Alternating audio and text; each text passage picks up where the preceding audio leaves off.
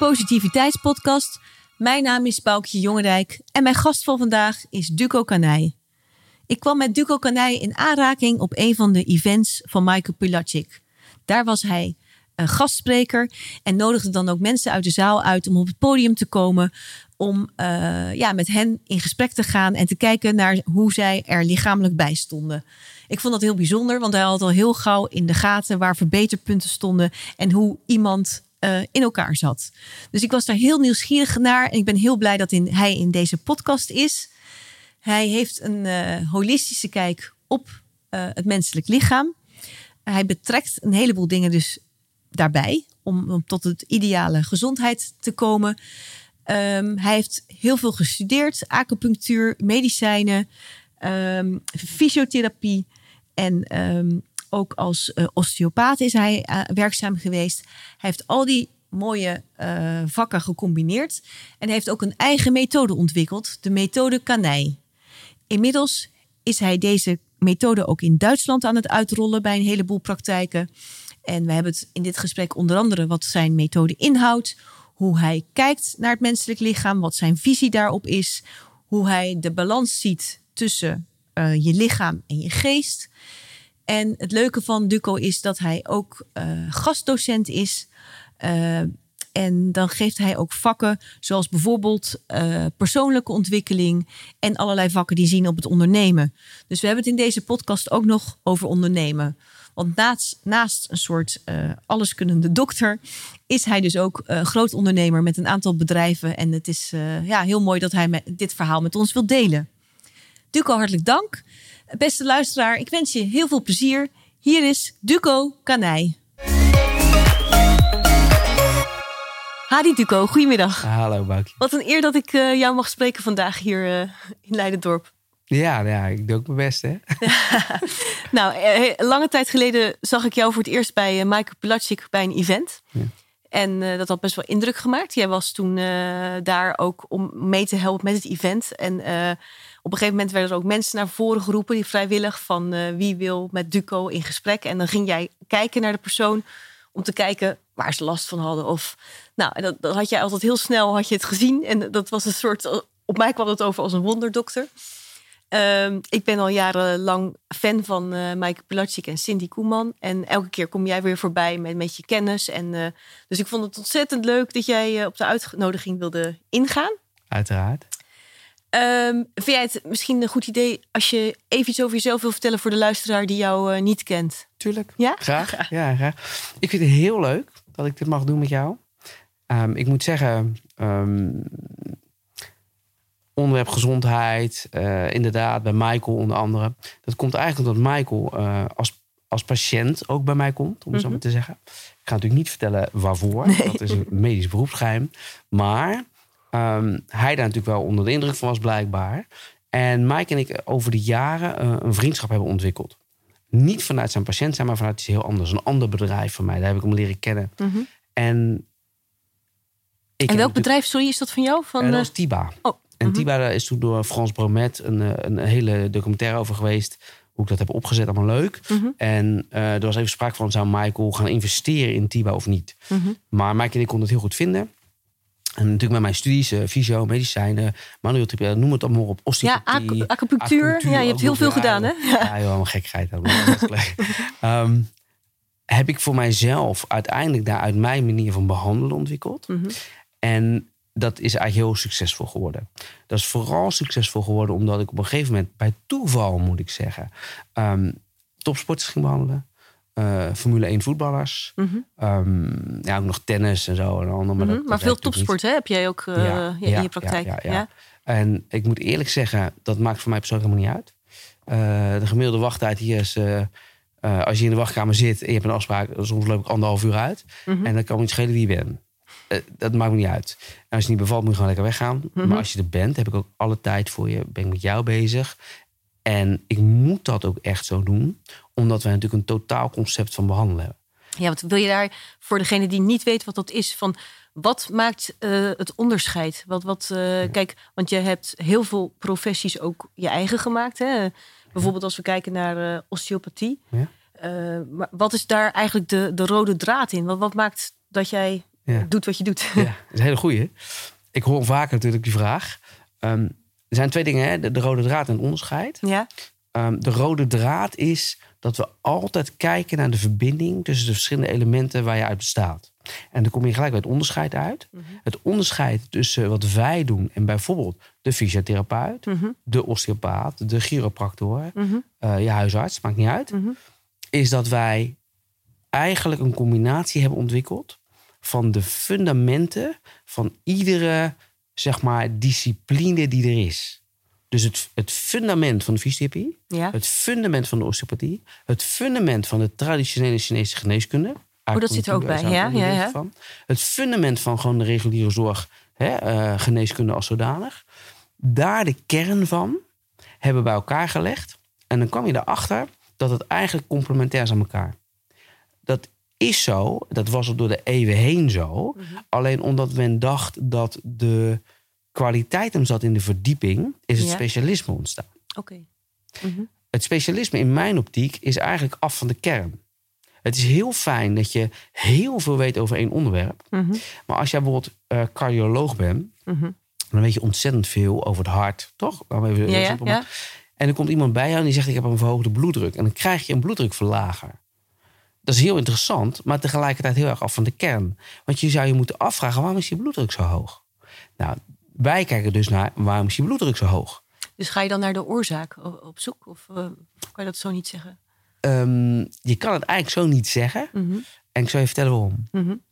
De oorzaak is heel vaak een element wat je alleen maar als een constatering kunt meenemen in je verhaal. Mhm. De instandhouder van jouw probleem, bijvoorbeeld hoog bloeddruk, Mhm. is veel interessanter. Oké. En ik wil me ook echt oprecht hard maken voor de zoektocht naar de instandhouding van je probleem. Omdat acht van de tien keer daar het onderscheid ligt. Simpel voorbeeld. Ja. Stel je nou toch eens voor. Ik kijk heel eventjes naar jouw man. Ja. Dat jouw relatie heel slecht gaat. Ja. Daardoor krijg je een hoge bloeddruk van de stress. Ja. Toch? Ja. Oorzaak, jouw man. Toch? Ja, zeker. Dat is de oorzaak. Nou, dan ga je naar de therapie. Je wordt schelen, je gaat overheen. Je komt bij ons en we zouden zeggen: de oorzaak is jouw man. We komen tot die conclusie: hè? de oorzaak is jouw man. Mhm.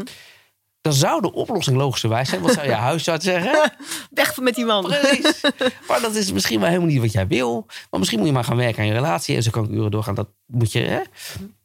We moeten kijken misschien wel. Wat maakt nu dat die hoge bloeddruk in stand blijft?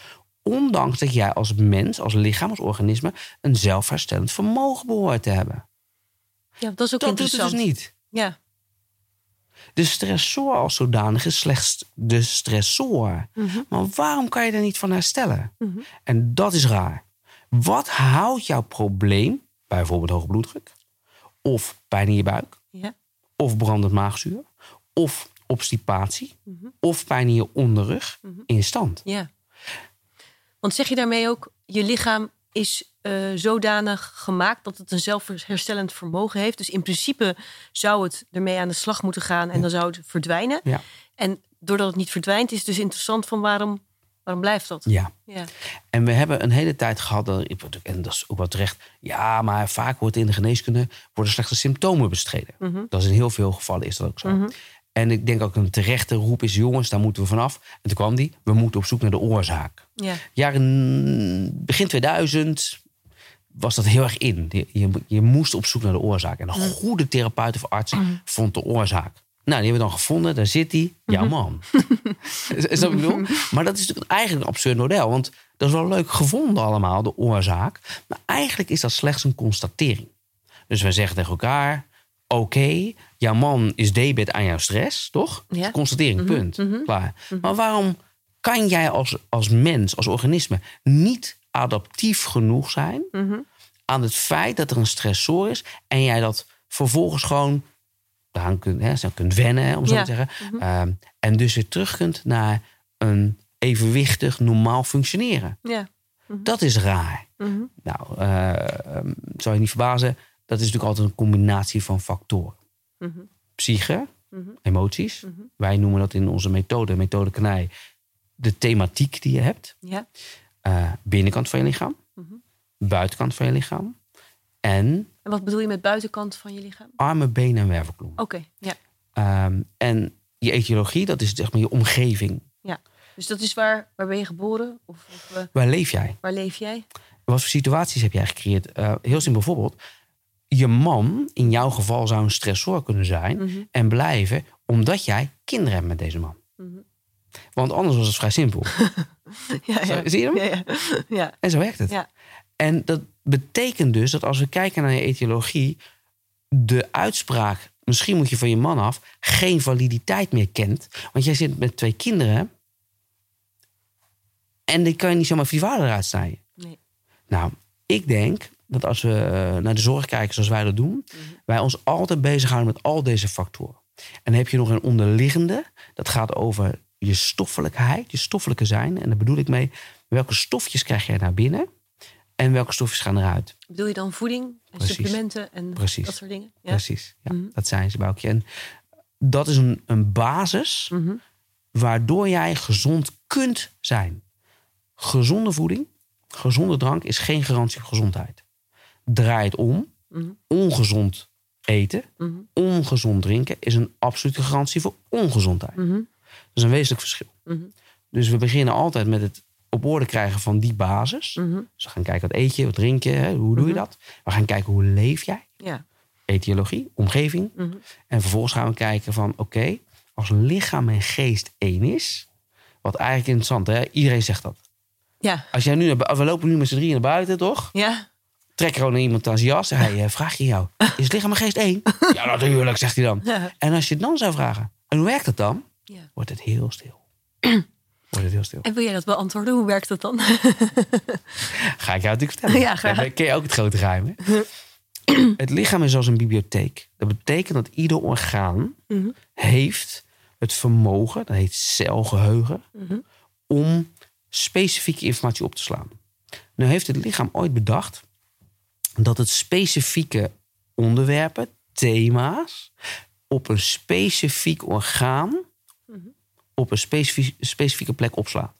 Zie bijvoorbeeld boosheid, verdriet, teleurstelling, galblaas. Dus jouw galblaas staat alles op Ja, ja. wat jij meemaakt en beleeft aangaande boosheid, verdriet of teleurstelling. Het is ook vaak van, eh, van die uitspraken hè, die dan gelieerd zijn aan, eh, aan, aan, aan organen of zoiets. Op je Ja. lever hebben en dat soort... eh, Tuurlijk, ja. maar dat wisten ze toen al. Nee, maar dat is wel mooi. Want dat is dan... Die kloppen altijd, Ja. Die kloppen altijd. Iets op je leven hebben, je gal spuwen. Als jij boos bent, je bent verdrietig, mhm, hè, je, je, je, je, je bent teleurgesteld, dan moet je je gal spuwen. mhm. Als jij dat niet doet, ja, dan blijft het daar zitten. Dan krijg je een ontsteking van die galblaas. Mhm. Nou, als je met je pech hebt, halen ze hem daarna eruit. Nou, dan zal ik niet in de zweverigheid gaan te veel. Maar de vraag is met of hij dan energetisch ook weg is. Dat is natuurlijk niet zo. Mhm. Oké, nu haakt de rest, de helft van jouw, jouw luisteraars af. Blijven. ja. Ik ga echt terug naar de, de, de gangbare norm van denken. Nee, maar mag wel. Maar je snapt hem, hè? Ja, Dat ja, is- ja. nou, en het is heel belangrijk te, te beseffen dat als je de link maakt lichaam-geest, dat die dus eigenlijk gemaakt wordt door het feit dat je weefselgeheugen hebt. Daar leg je bepaalde thema's neer. En als jij als, als mens vastloopt in je leven, omdat jij bijvoorbeeld boos bent, Mhm. dat op een gegeven moment gaat de, de, de, de- zeg maar de, de, de link gemaakt naar worden naar dat intern orgaan, galblaas bijvoorbeeld, Mhm. of lever, hè, je verwerkt het niet goed genoeg. Mhm. Die lever en die galblaas zitten weer vast aan jouw wervelklom. Ja. Alle organen zitten vast uiteindelijk aan jouw wervelklom. Want anders, als je, als je op je hoofd zou staan, dan viel je blaas aan je af, eh? mond.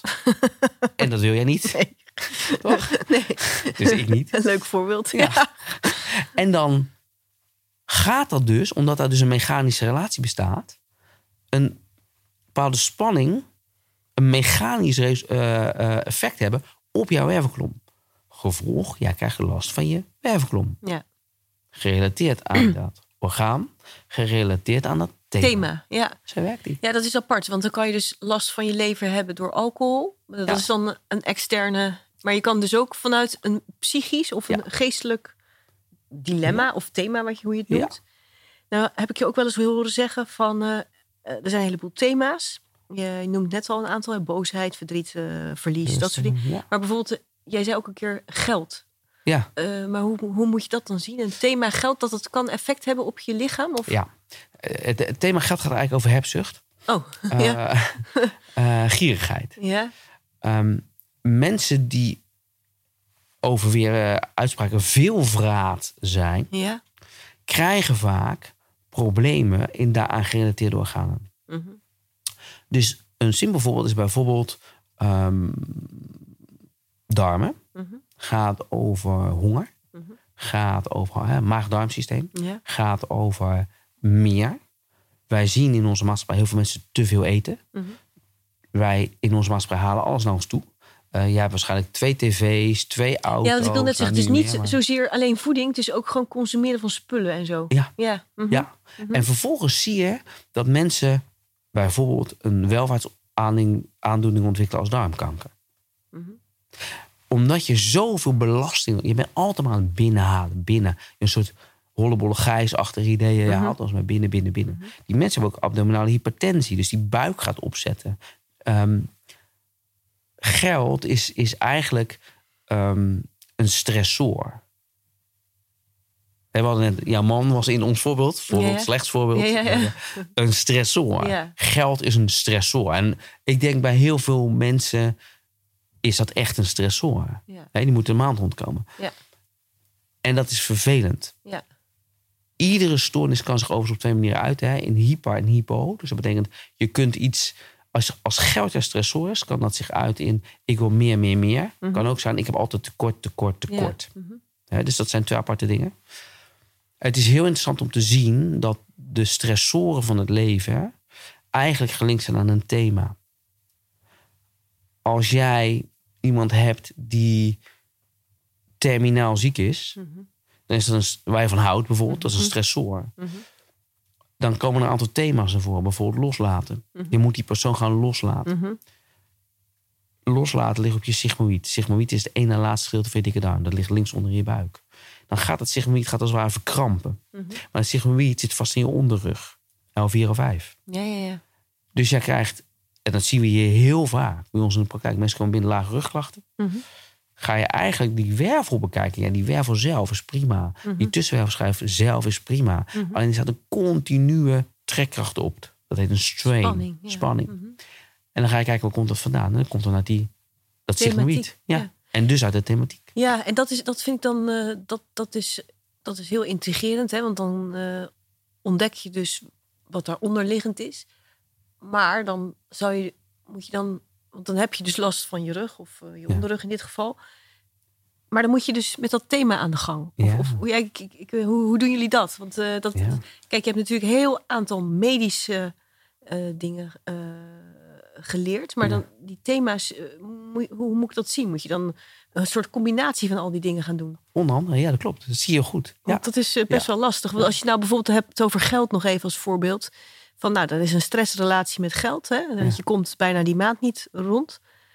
Ja, dat, dat is niet eh 1, 2, 3 op te Nee. lossen. Nee, dat zou je denken. Ja, dat vind ik dus heel interessant van hoe. Want ik weet ook dat jij. Je bent ook zorgondernemer. Je bent Ja. ook een ondernemer. Dus je hebt ook heel veel business opgezet. En je bent in Duitsland met, met je methode, zullen we het ook even over hebben. Maar komen dan dit soort items? eh, Continu. ja, Ja, kijk, het is niet 1, 2, 3 opgelost, maar 1, 2, 3, 4. Eh, en dat betekent namelijk dat eigenlijk wat we doen, is we gaan kijken. Jij zegt het eigenlijk al, dat vind ik mooi. Hè? Intuïtief weet je het al. Je zegt, ja, moet je dan dingen combineren? Ja, klopt. Je wil naar dat orgaan toe Mhm. waar die directe representatie van die stressor zich bevindt. In dit geval bijvoorbeeld sigmoïd of kan misschien een maag-darmsysteem, hè, geld. ja. Ehm, daar ga je naartoe en dat behandel je. De spanning die daar is ontstaan, die haal je er gewoon met je handen. Is gewoon een manuele. En dat behandel je echt. Ja, echt met je handen. ja, ja. Die maak je vrij. Dus die darm komt vrij, die maag komt vrij. Daarmee is al één van beide, zeg maar bijna gedupeerde, als gevolg van dat thema geld, Mhm. is eigenlijk al vrij. Ja. De darm, Dat stroomt maag, weer. stroomt weer. Dan moet je nog even die wervel meenemen, want daar zat hij aan vast. Dan heb je Ja. ze allebei gehad. Mhm. En dan vervolgens, en dat is echt onwijs interessant, als ik terwijl ik jou behandel aan het interne orgaan, maag-darmsysteem, praat over jouw thema met jou. Oké. dan ga je hier er dus mee bezig zijn, Ja. toch? In je mind, ja. Ja, in ja. mind. Mhm. En ga ik met jou daarover praten. Kort gezegd, dat is geen diepgaande psychologie, hè? Dat is gewoon met jou praten over wat jou bezighoudt en wat jouw stressor is. Maar doordat je ermee praat en het orgaan wat erbij hoort vrijmaakt, zowel aan de binnenkant, maagdarm, als de buitenkant, wervelkolom, zie je bij mensen het gewoon veranderen. Eh, Je ziet mensen openen. Je ziet mensen die zeggen letterlijk: Wow, joh, dat lijkt wel. Het, ja, het ja. verandert. Ik, ik, ik kan, terwijl ik het over mijn grote stressor heb met jou, ontspannen, rustig worden. En ik kijk er eens anders naar. Mhm. Nou, daar kan je natuurlijk gewoon als mens naar mens aanbrengen. Snap je? Je kan gewoon zeggen, joh, heb je het wel eens als volgt gezien? Dat de kracht van het niets hebben is groter dan de kracht van het veel hebben. Mhm. Ik zelf mogen ervaren tijdens een faillissementje. Dat je erachter komt dat als je helemaal niks meer hebt, is er ook niks te halen. Nee, dus ook, je eh, dan heb je ook minder stress van je spullen. Of je, Tuurlijk. ja, ja, Toch? Ja. Dat werkt zo. ja. Dus wij zien dat als wij, wij praten met die mensen, we behandelen, Mhm. Tweeledig, binnenkant en buitenkant. We stellen hun voeding goed in. Ja.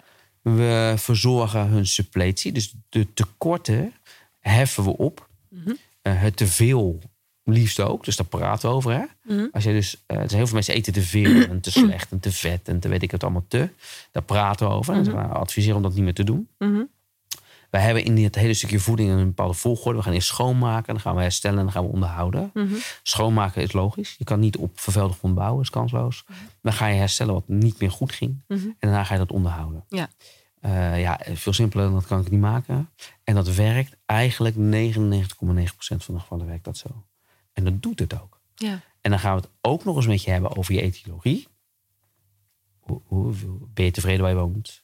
Ben je gelukkig? Wat zou er anders moeten? Ja, wat ik een mooie vraag ook vond, dat hoorde ik ergens jou zeggen. Van, dat je dan ook eens kan nadenken van wie wil ik eigenlijk zijn? Ja, zeker. En ehm, toen dacht ik, ja, dat, hoezo, wie wil ik zijn? En dan gezondheid. Maar als je erover nadenkt, ehm, is dat wel een hele moeilijke vraag. Ook wel een hele mooie vraag. Mhm. Maar die komt wel bij heel veel thema's in je leven ook Ja. eh, voorbij. Ja, dat klopt. Omdat je. Eigenlijk is het zo dat je in je leven er naartoe moet dat je uiteindelijk bent wie je wil zijn. Ja. Heel veel mensen laten zich een beetje van het pad afhalen. Mhm. Zouden zich zo kunnen laten verleiden bijvoorbeeld door geld. Hè? Mhm. Dat is, echt een enorme verleider. Ehm, je zou je kunnen laten verleiden door allemaal dingen. Maar de bedoeling is eigenlijk dat jij je volhoudt op jouw pad. Dat je niet laat verleiden en dat je blijft geloven in dat jij daar kunt gaan komen waar je wil zijn. En als je dat helemaal doorbrengt, dan uiteindelijk wil je zijn waar je op dat moment bent. Zijn waar je op dat moment bent. Ja. Heb je hem? Ja. Het gaat dus om de reis en niet om het doel. Er is geen doel.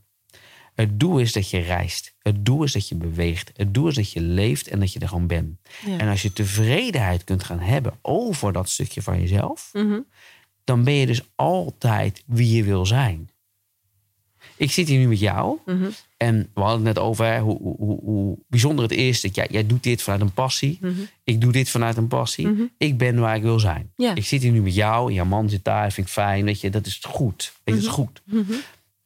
Ik hoop ook dat jij bent waar je wil Ja, zijn. Hè? ik heb het ook heel erg naar mijn zin. Ja. ja. En dat is goed. er is geen doel aan dit gesprek. Nee. Nee, precies. Dat is ook wel, dat is ook wel eens lekker, hè? Als Ja. je, dat, dat- de meeste dingen die geen doel hebben.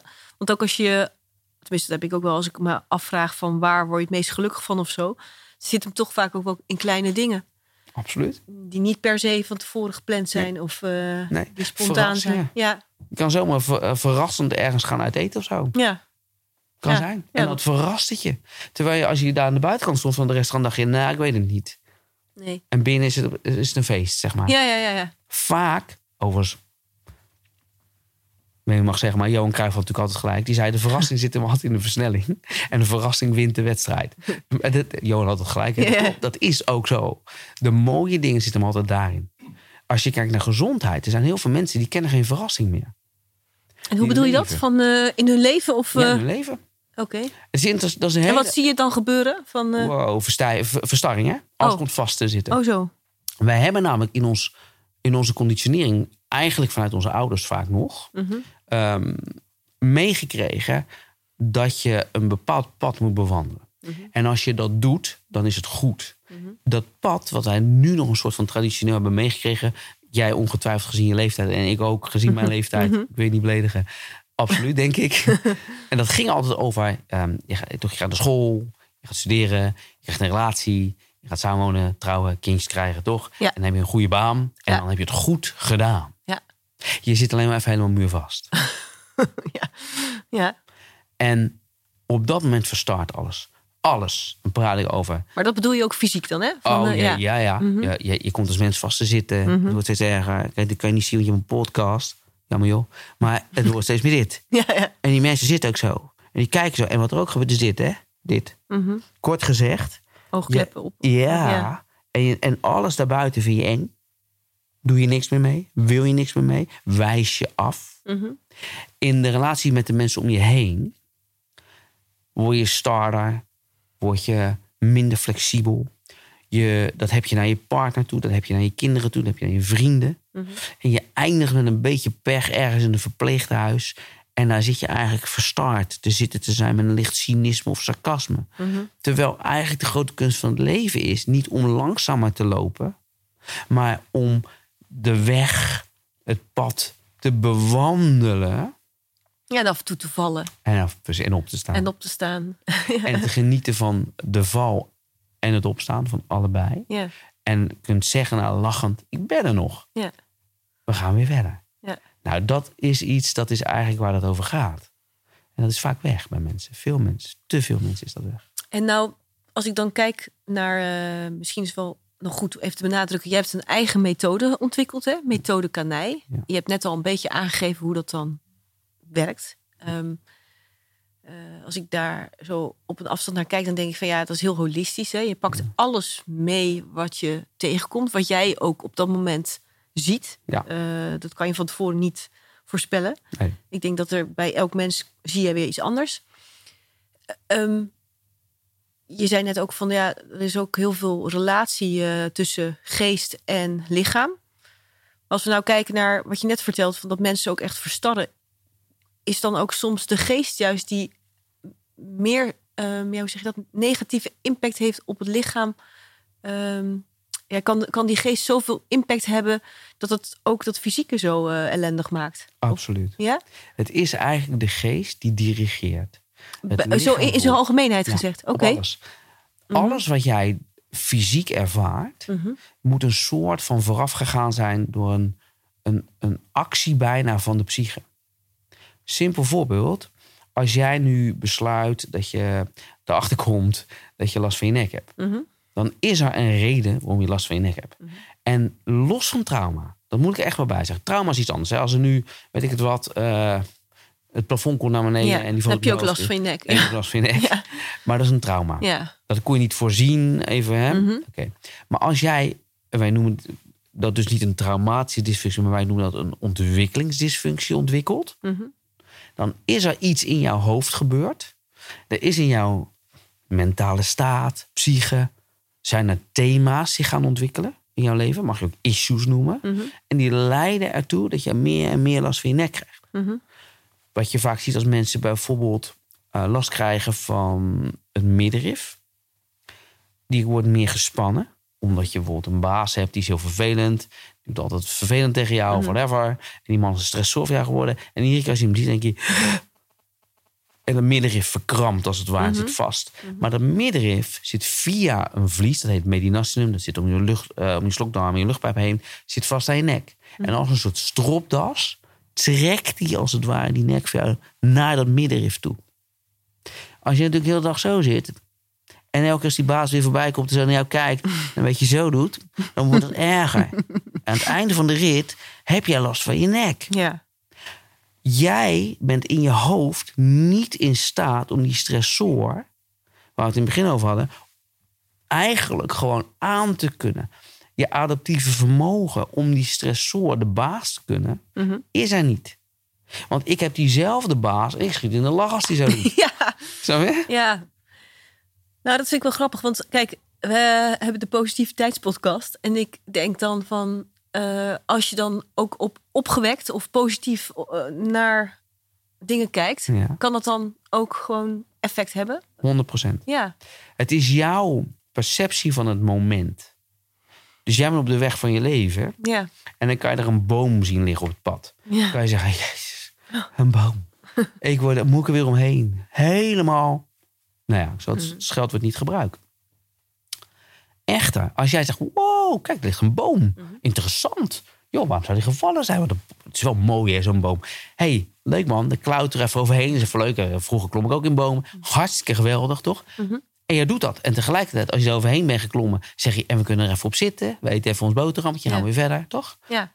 Precies die positiviteit maakt alle verschil. Ja. Het is dezelfde boom, hè? Dezelfde Ja, boom. ik vind het alleen altijd wel lastig op dit, dit onderwerp. Sowieso ook met de mind. Van, eh, want dat kan er natuurlijk... eh, ja, dat kan zomaar van je weglopen. Ja. En, en nu hebben we het erover en zijn we heel bewust daarover aan het praten. Van, nou, dat heeft dus invloed. En als je dat weet, dan kan je daar ook aan gaan werken. Maar er zijn natuurlijk genoeg mensen die staan s ochtends op... en die hebben moeite al met de dag. En die komen Ja. jou niet tegen. Die komen niet in jouw praktijk. Ehm, Gelukkig. nee, ja, nee ja, ik denk dat het wel zonde is. Want als je het ook niet weet... eh, Nee. zijn er dan tips voor dat soort mensen? Dat je zegt van nou, met dit kleine dingetje zou het ook kunnen schelen. Want dat vind ik altijd een beetje lastig. Kijk, ik ben zelf vrij opgewekt en ik, ja, ik spring mijn bed uit in feite. Ja, ja. En ik heb een goed leven, dus ik heb niks te klagen. Maar het is soms lastig om die leuk boom op, op de weg te zien als het, eh, als het allemaal niet zo grappig is. Klopt. Alleen, jij bent net zo als ik. En ook die meneer of mevrouw die niet dat fantastische leven heeft. Mhm. Eh, gewoon naakt geboren als klein eh, wolkje van geluk, toch? Een bundeltje van joy. Ja. En jij zit hier x jaar later en met een grote glimlach en zegt, nou, het leven is hartstikke leuk. Mhm. Die andere persoon zit daar en die zegt, het is niet leuk. Hè? Die zegt, het is afgrijzelijk. Ja, Heel eerlijk, dat doe je zelf. ja, Want er gebeuren dingen met jou in het leven. En Ja. hoe je ermee omgaat, bepaalt wat het met je doet. en dat is eigenlijk zeg je daarmee in, impliciet misschien wel, dat is een keuze dan? Ja, Ja. want ook en ook al is het mij- nog zo lastig, want dat Ja. vind ik altijd wel Ja. moeilijk te zeggen als Ja. je het zelf. eh, nou ja. Nou ja, ik kan me niet voorstellen dat jij nu tegen mij gaat vertellen... Duco, ik heb nooit tegenslagen in mijn leven gehad. Nee, dat is ook Geloof zo. ik niet. Nee, is ook zo. Geloof ik niet. En eh, eh, ik heb ze ook. Ja. En dan kan je zeggen, echt op een niveau dat je denkt... Oké dan. Mhm, Hmm, pittig. mhm, In de kernzaken van het leven, kan ik je verzekeren. mhm. Maar ik kies ervoor om ermee te doen wat ik doe. Tuurlijk kent iedereen het initie- de initiële emotie. Je kunt verdrietig zijn. Zo, ik bedoel, als we nu bellen en zeggen... joh, je kind is net van vijf over naar beneden geflikkerd van een flat. Ja, ga ik hier niet lachend zitten en zeggen... Nee. joh, ik kies ervoor om nu blij te zijn. Nee, natuurlijk niet. Dat stort mijn wereld in. Ja. mhm. Alleen hoe lang je- blijf ik daar? Laag. ja. Eh, tuurlijk mag ik huilen, mag ik schreeuwen, krijsen Mhm. van, van verdriet en ellende. Alleen er komt een punt, dan moet dat stoppen. Dan maakt het verdriet niet minder en de pijn niet minder. Mhm. Het maakt alleen dat ik door kan met het leven, omdat of ik dat voor mijzelf heel belangrijk vind, of voor de mensen, of ik moet zeggen, en voor de mensen om mij heen. ja. En dat is een keuze. En heb je dat geleerd? Ja. Of, eh, ja. En, en kan je daar iets over vertellen? Is, is Ja. er een boek geweest of een, mens? Of, of- Ervaringen. ja. Dus op jonge leeftijd. ehm, ik, ben, ik ben geadopteerd. Ja. Ehm, dat is interessant. Want als je Al, heel, al op jonge leeftijd. ja, anderhalf. Ja. Dat is al je eerste traumatische moment. Ik bedoel, je hebt zelf kinderen. Mhm. Zie je kleine Ukkie nog voor je, anderhalf jaar oud toch. Die zet je neer in een weeshuis. Dat weet dat Ukkie niet. En je zegt, nou mama die eh, zegt nu dag. Even, ik, ik hou van je. ja, vreselijk. En mama gaat weg en komt nooit meer terug. Mhm. Dat doet wat met dat kindje. Nou, ik Ja. was op maar, en het is geen zielig verhaal bij dit. Want er zijn natuurlijk heel veel mensen waarbij dit Nou ja, gebeurd is. het- het is maar wel voor heftig. mij is dat Ja. het eerste trauma. Toen had ik daarna het geluk. Toen kreeg ik eh, een, een Nederlands gezin waar ik in terecht kwam. Mhm. Ehm, nou, kort gezegd. Want mijn als ik vraag, mag jij komt dan oorspronkelijk van? Zuid-Korea. Zuid-Korea. Ja, Ja. ja, Mhm. ja, ja, ja. Ik ben niet gevlucht van Noord naar Zuid naar Nederland. Gewoon Zuid-Korea. Nee.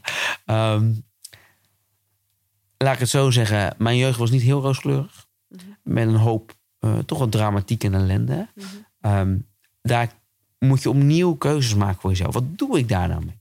En dan kan je natuurlijk tegen jezelf zeggen... oh, ik ben zo zielig. Want eerst was ik geadopteerd, werd ik geadopteerd. Toen ehm, kwam ik in een gezin terecht waarvan je zegt... nou, dat is niet het meest fantastische gezin van Nederland. Mhm. Ehm, en dat is zo zielig voor mij. Maar ik heb gewoon andere keuzes gemaakt. Je was nog wel heel jong. Ja. Ja, maar Zo. ik ben natuurlijk ook ouder. En de Ja. drama's liepen door tot, kan ik je zeggen, tot ik uit huis ging. Mhm. En daarna. En dat zijn, ik maak daar keuzes. Iedere keer kies ik voor het positieve. Iedere keer zeg ik, luister, heel rot, heel vervelend. Maar dat wil niet zeggen dat dit is wat mij levenslang nu laag en depressief en verdrietig en boos moet laten zijn. En wat was er dan in jou dat je dat kon? Was dat, ja. Ik, ik kan het je, ik, ik denk het wel, denk te weten wat Ja? het is. Mhm. Want wie ben ik, hè? Ik denk ook maar wat. Maar als ik gewoon kijk naar de dingen die ik weet over de psyche en ontwikkeling, kind en ontwikkeling en, en psyche, weet ik het allemaal niet. In de eerste twee jaar van jouw leven Mhm. wordt je persoonlijkheid gevormd. Het gaat over eh, basisveiligheid, eh, zelfvertrouwen. Mijn biologische moeder heeft in die anderhalf tot twee jaar dat ik bij haar was, Mhm. waarschijnlijk een hele, hele goede eh, invloed gehad. Die heeft daar haar moederrol waarschijnlijk heel goed vervuld. Mhm. Waardoor ik zelf als mens een enorm zelfvertrouwen, Zelfvertrouwen, heb. ja. Eigenwaarde, weet je wel, Mooi. basisveiligheid. Mhm. Dat maakt dat ik de kracht heb gehad, ook op hele jonge leeftijd, om te denken bij de soms absurde taferelen die ik ondervond in mijn jonge jaren. Mhm. Dat ik dacht, ja, maar dit is niet normaal. En dit accepteer ik niet. En ik ga het anders doen. Weet je? Uh, ik ga als mensen er anders instaan. En als ik zelf ooit kinderen mocht hebben, die ik heb, Mhm. um, doe ik dat echt heel anders. Mhm. En ik laat me ook niet wijsmaken dat wat ik hier nu voor mij zie de normaal is. Dat is inborst. Dat heb ik meegekregen vanuit de eerste twee Ja. jaar, denk ik. Dat zeg ik omdat het de theorie is dat dit alles ontwikkelt bij de mens in de eerste twee jaar van zijn leven. Doe je dat niet goed, heeft hij geen basisveiligheid, geen zelfvertrouwen, geen eigenwaarde. Nou, die heb ik gelukkig wel. Mhm. En het wordt lastiger als je dat dus niet mee hebt gekregen. Ik zeg bewust lastiger en niet onmogelijk. Mhm. Want jezelf conditioneren leidt ertoe dat je om kunt gaan met de dingen die je tegenkomt. En afscheid kunt nemen van de dingen die daar niet wenselijk in zijn. Is echt heel belangrijk. Ja. ja, dat brengt je gewoon altijd weer vooruit. Altijd. Onder welke omst ja, je hebt nu wel hele lastige omstandigheden beschreven, maar je zegt daar eigenlijk mee van dat moet dan eh, iets zijn wat je dan altijd kan toepassen. Ja. eh, onder Ja. wat dan ook. Ja, Ja. en dat is ook zo. Maar is dat dan ook van eh, uit toch een stukje hoop? Of, of ja, ik bedoel, er moet toch een drive zijn geweest voor jou om te zeggen van ja, ik, ik, ik ga ja, een soort levenskracht, of ja, ik weet niet hoe je dat moet zeggen, maar er moet toch iets zijn geweest wat, wat jou dat heeft doen, eh, laten doen. Hè? Ja. Ik bedoel, je had ook in een hoekje kunnen gaan huilen Ja, de hele klopt. dag. Klopt, ja. Dus dat En is. daar eh, begint het vaak mee. ja, ja, En dan uiteraard. je, maar dit kan natuurlijk niet zijn. En dat kan je ook niet je leven lang volhouden. Nee. Zeker als je jong bent, denk je dat je eeuwig leeft. Mhm. Nou, als eeuwig huilen in een hoekje is een heel slecht vooruitzicht. Ja. En dan kom je eigenlijk wat er gebeurt, je wordt in survival gedrongen. En in onze, eh, in onze methodiek, Mhm. eh, methode Kanij, hebben ook heel duidelijk, wij, wij, wij maken bij de eerste screening, bij de intake, kijken, is iemand nou voornamelijk in survival, voornamelijk in comfort, dat is de volgende stap naar boven, of voornamelijk in zijn optimum. Als jij getraumatiseerd wordt, een nare ervaring hebt, een slechte omstandigheid, word je in survival gedwongen. Ja. En survival is de toestand waarin jij denkt: ik moet overleven. En moet dat doen wat nodig is om daaruit te komen, als in te overleven. Dat is eigenlijk perfect. Want het prikkelt jou om stappen te zetten die je misschien anders nooit had gezet. De gevaarlijkste staat van zijn is comfort. ja, dat is, vind ik mooi dat je dat zegt. Hè? Want dat zijn we ons totaal niet bewust, denk ik. Eh, ik denk eh 90% van de bevolking in Nederland niet. Dus comfort echt in de zin van we zitten op de bank en we hebben alles. En, we, ja? Precies dat. en waarom is dat zo gevaarlijk? Omdat je als mens eigenlijk voor, en dat is trouwens interessant ook, hè, voor de, de survival of de species moet ontwikkelen. Gewoon. eh, Maar je ja. ontwikkelt niet. Als jij nu met 40 kilo overgewicht, toch? Ja. Ehm, een slecht permanentje. Een bloemetjesjurk met blokhakken aan je schoentjes met een umbini aan je grote teen. Umbini is een dikke vette knol op je grote teen. Ehm, voor je uit zit te staren met je helemaal thermo onderbroek aan. Eh, en eigenlijk word je nergens door geprikkeld. En je prikkelt ook anderen niet. Is er geen ontwikkeling.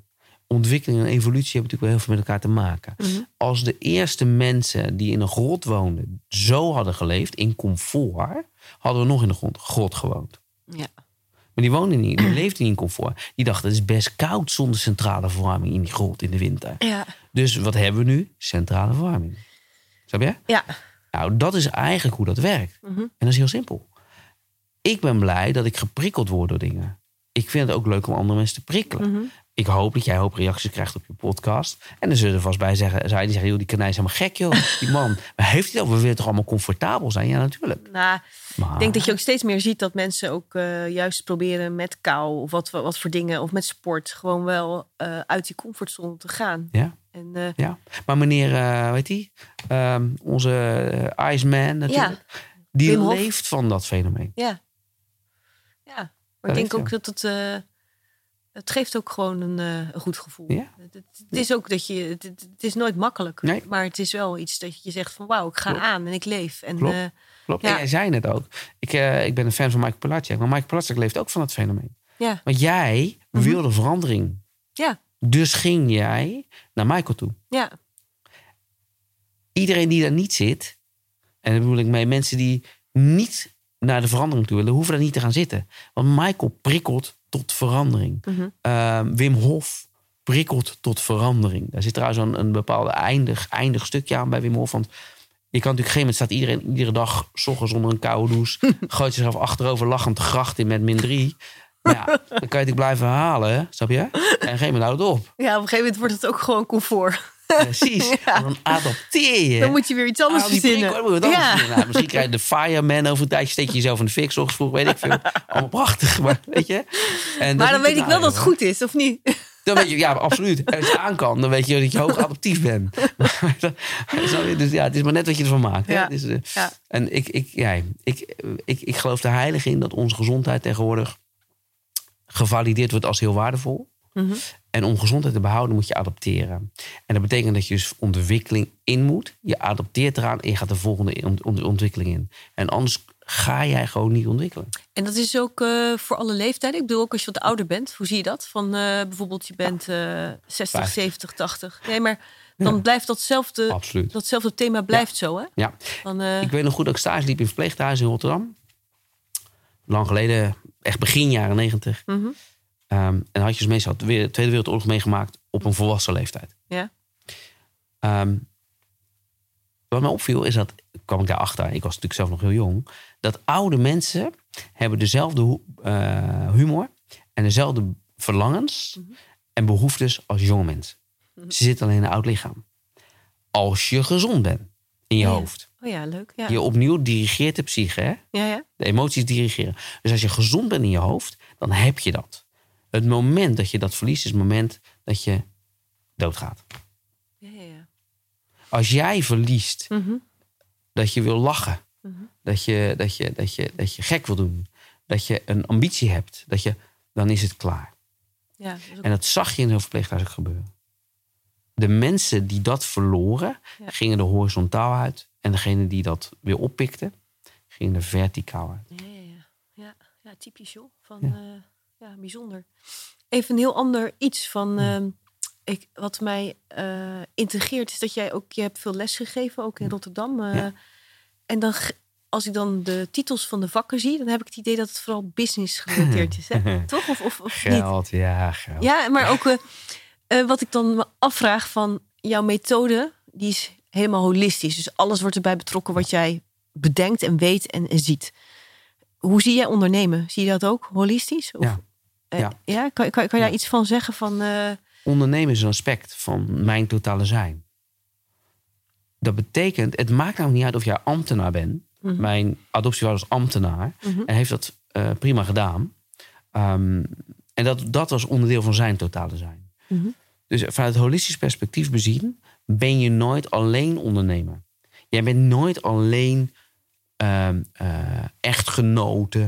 bedoel je daar ook mee, wat je nu zegt, bedoel je daarmee van eh, verschillende staten van zijn of zo? Of, Verschillende schatten van zijn en verschillende verschijningsvormen van jezelf. en, eh, en hoe zie je dat? Want ik, ik, je hebt er wel eens drie of zo genoemd. Of, Eh, nee, meer. oh, Maar ehm, kijk, jij bent een compilatie van verschillende entiteiten. Dus dat betekent, wat ik zei, je bent een moeder, een vrouw, een echtgenoot, Oh, zo, een ja. vriendin. ja. eh, weet ik wat je bent. Al die dingen ben jij. Mhm. Eh, maar jij bent ook ondernemer. Ja. Eh, ik ben ook ondernemer. Mhm. De zwaarte van een entiteit, die bepaal jij zelf. Dus ik ben een beetje doorgeslagen in mijn, ondernemersambitie. Oké, prachtig. Maar ik vond het belangrijk, vind dat nog steeds belangrijk en doe dat dus. Um, dat is los van of iets succesvol is of niet. Hè, dat doet niet de zaak, maar ik doe dat dus. En als, je, als ik mijzelf zou moeten tekenen in, in, in een mooi diagrammetje of zo... Hm. en zeggen hoeveel ben jij dan ondernemer? Nou, dan ga ik daar heel veel, toch? Ja. Gewicht aan hangen. Ieder mens kan dat over zichzelf doen. Hoe, er zijn mensen die zeggen, ik ben, uh, het belangrijkste is, is, ik ben moeder. Mhm. Er zijn heel veel. Mhm. Ik ben moeder, dat is mijn zwaarste ding. En die maken dat eigenlijk hun voornaamste identiteit. Mhm. Ondernemen is een onderdeel van mij. Mhm. Dat wil niet zeggen dat ik alleen maar ondernemer ben. Want ik zie mijzelf meer nog als iemand die interesse heeft in andere mensen en het ontzettend belangrijk vindt dat ik kan bijdragen aan het leven van een ander vanuit mijn kennis, ervaring en expertise. En daarom ben je denk ik ook gaan ondernemen. Want je kon op een gegeven moment denk ik niet meer één... Ja, je patiënten kon je niet meer aan. Nee. Dus ben je gaan ondernemen om jouw methode eigenlijk in de markt te zetten. Ja, om Toch? het aan meerdere Ja, meer mensen mensen te kunnen ja, laten- aanbieden. Ja, ja, je kon het delen. Ehm. Heel grappig, ik weet nog heel goed. Michael een keer tegen mij zei, zei, ik vind het onvoorstelbaar. Wat jij kan, kan bijna niemand. En je kan er echt, jongen, je weet zoveel. En je kan er zo goed over praten, weet je wel. Je gooit er een kwartje in, het houdt niet op. Daar kom jij nu ook achter. Mhm. Ja. Ehm, hij zegt, en toch deel je dat alleen maar in een één op één. Het is gewoon zonde, zei hij letterlijk. Het is gewoon zonde. Ja. Toen dacht ik er eens over na. Dacht bij mezelf, ja, ja. Hij zegt, kijk, natuurlijk als je die ambitie niet hebt om het met meerdere te doen, dat is geen punt. Mhm. Maar ik heb het idee dat je het wel hebt. Ik zeg, ja, dat klopt. Mhm. Hij zegt, waarom doe je dat dan niet? Ja, want het is ook een deel van je missie, denk ik. Absoluut. Want, want jij wil eigenlijk dat mensen... eh, Gezond ja, kunnen zijn vanuit een holistisch perspectief. ja, En dan word je punt één gezonder. ja. En punt twee, je hebt minder stress over ongezondheid. Want je snapt waarom je op dat moment misschien wel even ongezond bent. Mhm. Het grote manco vind ik zelf in de reguliere zorg... is dat je alles hebt ingericht in deelaspecten, Mhm. specialisaties. Mhm. En je vervolgens eigenlijk nooit goed begrijpt waarom je ongezond bent... en wat je eraan moet doen om de instandhouding van je ongezondheid weg te werken. ja, Dat vind ik zonde. ja. En mijn missie is om dat eigenlijk bij mensen duidelijk te maken. Dat heel veel mensen zelf de sleutel hebben. En waarom? Die sleutel zit helemaal in je hoofd. Ja, want dat vind ik heel mooi aan. Want nou valt bij mij ook het kwartje van... ehm, Jij zei van... Nee, maar dat vind ik grappig. Jij zei ook van mensen kunnen dat zelf doen. Ja. Eh, ik wil dat mensen zelf zich gezonder kunnen maken. En toen dacht ik, ja, hoe dan? Want jij hebt zoveel kennis over zoveel verschillende dingen. Maar als je dus teruggaat naar die mind... zit daar dus ook de start van Absoluut. gezondheid. En ongezondheid. Ja, die is wel mooi, hè? Ja, Ja, doe je zelf. ja.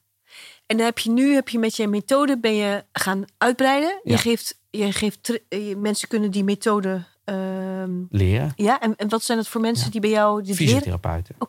We hebben er wel een bepaalde eisen aan gesteld. Mhm. Want je moet natuurlijk wel eh, in die richting al een hoop kennis hebben. En ook Ja. op vaardigheden, Mhm. manuele vaardigheden. Dus voor ons, de fysiotherapeuten, kunnen dat leren. Ehm, ik moet je heel eerlijk zeggen, het vond ik wel heel leuk. We hebben, eh, ik heb een pilot gedaan. En dan hebben we het gewoon mensen die iets anders. Van, van, van, van jurist Mhm. tot accountant, tot stratenmaker, tot huisschilder, tot whatever. Cashier bij de Albert Heijn. ja. Hebben we de basis geleerd in één dag. Oh, Ja, hebben we in Houten gedaan. Prachtig event van gemaakt. Hartstikke. Eén dag. Ja. Einde van de dag meer dan 90 procent. Er waren 125 mensen. En er was er maar één die zei, ik, ik, ik, ik kan dit niet. Dat betekent 124 van de 125 mensen konden zien waar gaat het fout, welke organen zijn daarbij betrokken, als in wat is je dysfunctielijn. Ja. En ehm, daarna is het gewoon een kwestie van, oké, welke thema's horen bij het orgaan? Ik kan gewoon leren uit een boek. Ja. Want ja, we doen hier wel alsof het allemaal zo fantastisch is wat ik weet. Maar ik heb ook gewoon uit een boek geleerd, zoals iedereen. Ehm, ja, uh, stoerder magnetisme, dit is het niet. En vervolgens kon die mensen zeggen... hé, maar ik kijk naar wie dan ook. Ik zie zijn dysfunctielijn. Ik weet welke organen daar waar, eh, li- liggen. Ik kan de, thema, de thema's erbij benoemen. En nog één stap verder. Ik heb de techniek geleerd om dat orgaan vrij te maken.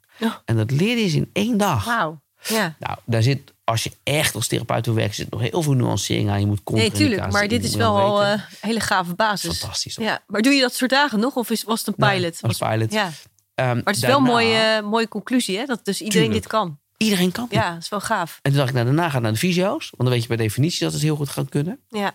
Dan creëer je hele kundige therapeuten.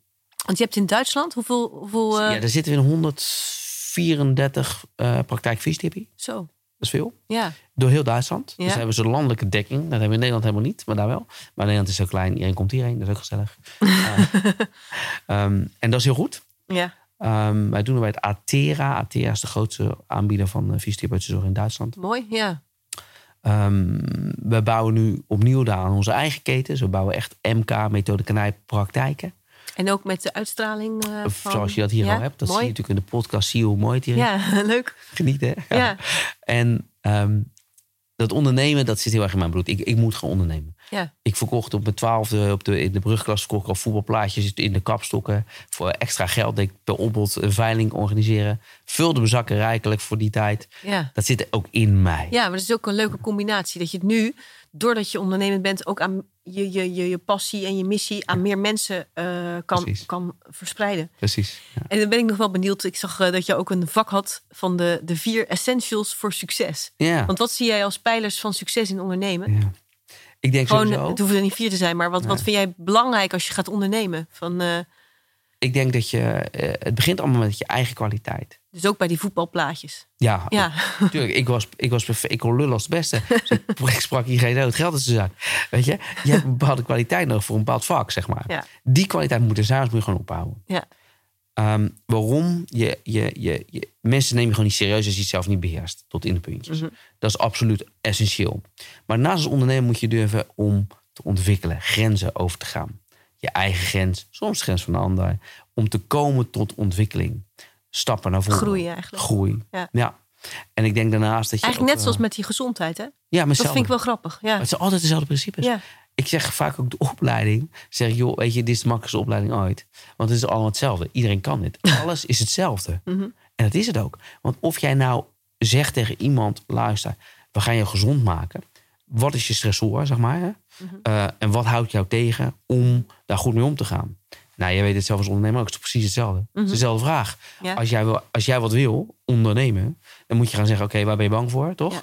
En wat houd je tegen om dat. ja, en je moet ook in actie komen. Je moet dan gewoon gebeurt er ook niks. ja. Nee, je moet gewoon doen. Ja. Dat is heel simpel. Ja. En eigenlijk is dat alles wat het is. Ja. En dat geldt voor werkelijk alles.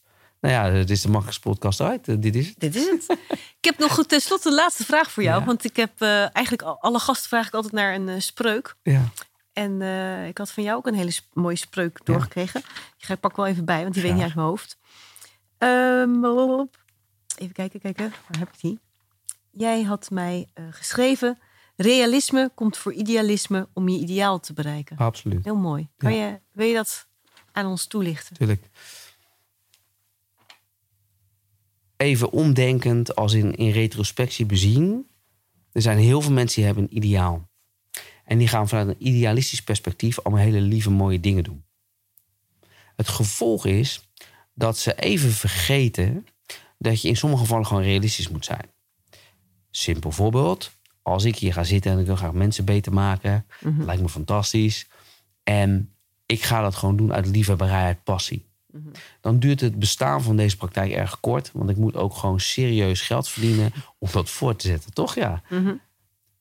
Dat betekent dat het realisme voor het idealisme komt om mijn ideaal te bereiken. Inmiddels cumuleer ik dan misschien wel zoveel geld dat ik mijn ideaal neer heb gezet. Ieder mens die iets wil bereiken in zijn leven, zou eerst realistisch moeten zijn.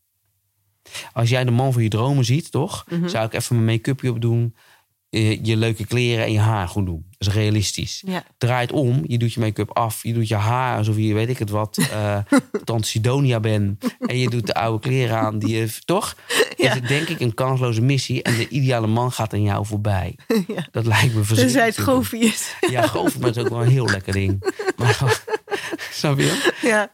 En zo simpel werkt het gewoon. ja, En meer is het ook eigenlijk niet. nee. Maar wij hebben dit staan op iedere iPad die mijn mensen hebben. Oh. Ja, ja, ja. We hebben twee vaste dingen. We hebben dit staan voor alle mensen die, die, die eh, dus, eh, dus bij ons in, de- in de Formule 1, de voetbal werken, die hebben al een iPadje. Ja, Staat het op, hè? ja. Realisme komt voor idealisme om ideaal te bereiken.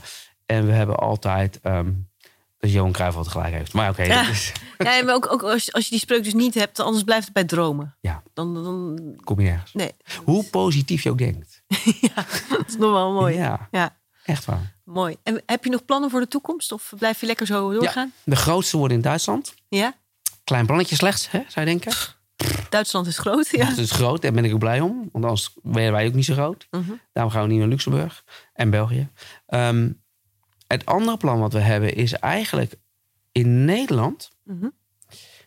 de kwaliteit van wat wij doen naar het voor ons meest idealistische Mhm. Hoogtepunt brengen dat wij kunnen. Mhm. Dus dat als mensen bij ons komen, dat ze daarna zeggen: dit is, dit is holisme ten top. Dit is hoe het moet zijn. Mhm. En daarmee is Holland, Nederland eigenlijk de pilot Ja, voor wat wij kwalitatief ja. kunnen brengen naar andere landen toe. En inderdaad met de topsporters, et cetera, et cetera, et cetera. Mooi. Ja. Heb je nog iets wat je zelf eh wil toevoegen? Ja, behalve dat ik dit een onwijs leuk gesprek vond. Ik ook. ja, en ik hoop ook heel erg dat je dat dit helemaal zo kan uitdragen eh, naar, naar heel veel mensen. Want eh, het is gewoon iets heel, ja, het is iets heel moois en Ja. iets krachtigs. Ik denk dat we er ook veel behoefte aan hebben. Want iedereen wil toch ook, eh, Denk ik nou ook. ja, gezond en, en, en gelukkig en positief in zijn leven staan. En fijn dat jullie daar een mooie bijdrage aan leveren. Dank je Dus wel. hartstikke bedankt voor het fijne gesprek. Dankjewel. Want ik Dank je wel. Beste luisteraar, hartelijk bedankt voor het luisteren naar deze podcast. En beste Duco, hartelijk bedankt voor het delen van jouw verhaal. We hebben deze podcast opgenomen bij het eh, Therapeutisch Centrum Leiderdorp. Dat is waar Duco ook eh, praktiseert. En dat is ook de plek waar hij een heleboel mensen opleidt om zijn methode toe te passen. Dus ben je als cliënt geïnteresseerd in een behandeling, kan je er naartoe. Maar ben je als eh, deskundige ook geïnteresseerd in zijn aanpak en zijn, zijn methode, zou je daar ook eh, contact mee op kunnen nemen. Je kunt zijn website vinden op www.ducokanij, duco met een c en kanij met een k.nl. En ehm, Duco heeft ons ook eh, nog verrast met een mooie, diepzinnige spreuk. Realisme komt voor idealisme om je ideaal te bereiken. Heel veel inspiratie met deze spreuk ook gewenst. Ehm, hartelijk bedankt voor het luisteren en heel graag tot de volgende keer. Tot ziens.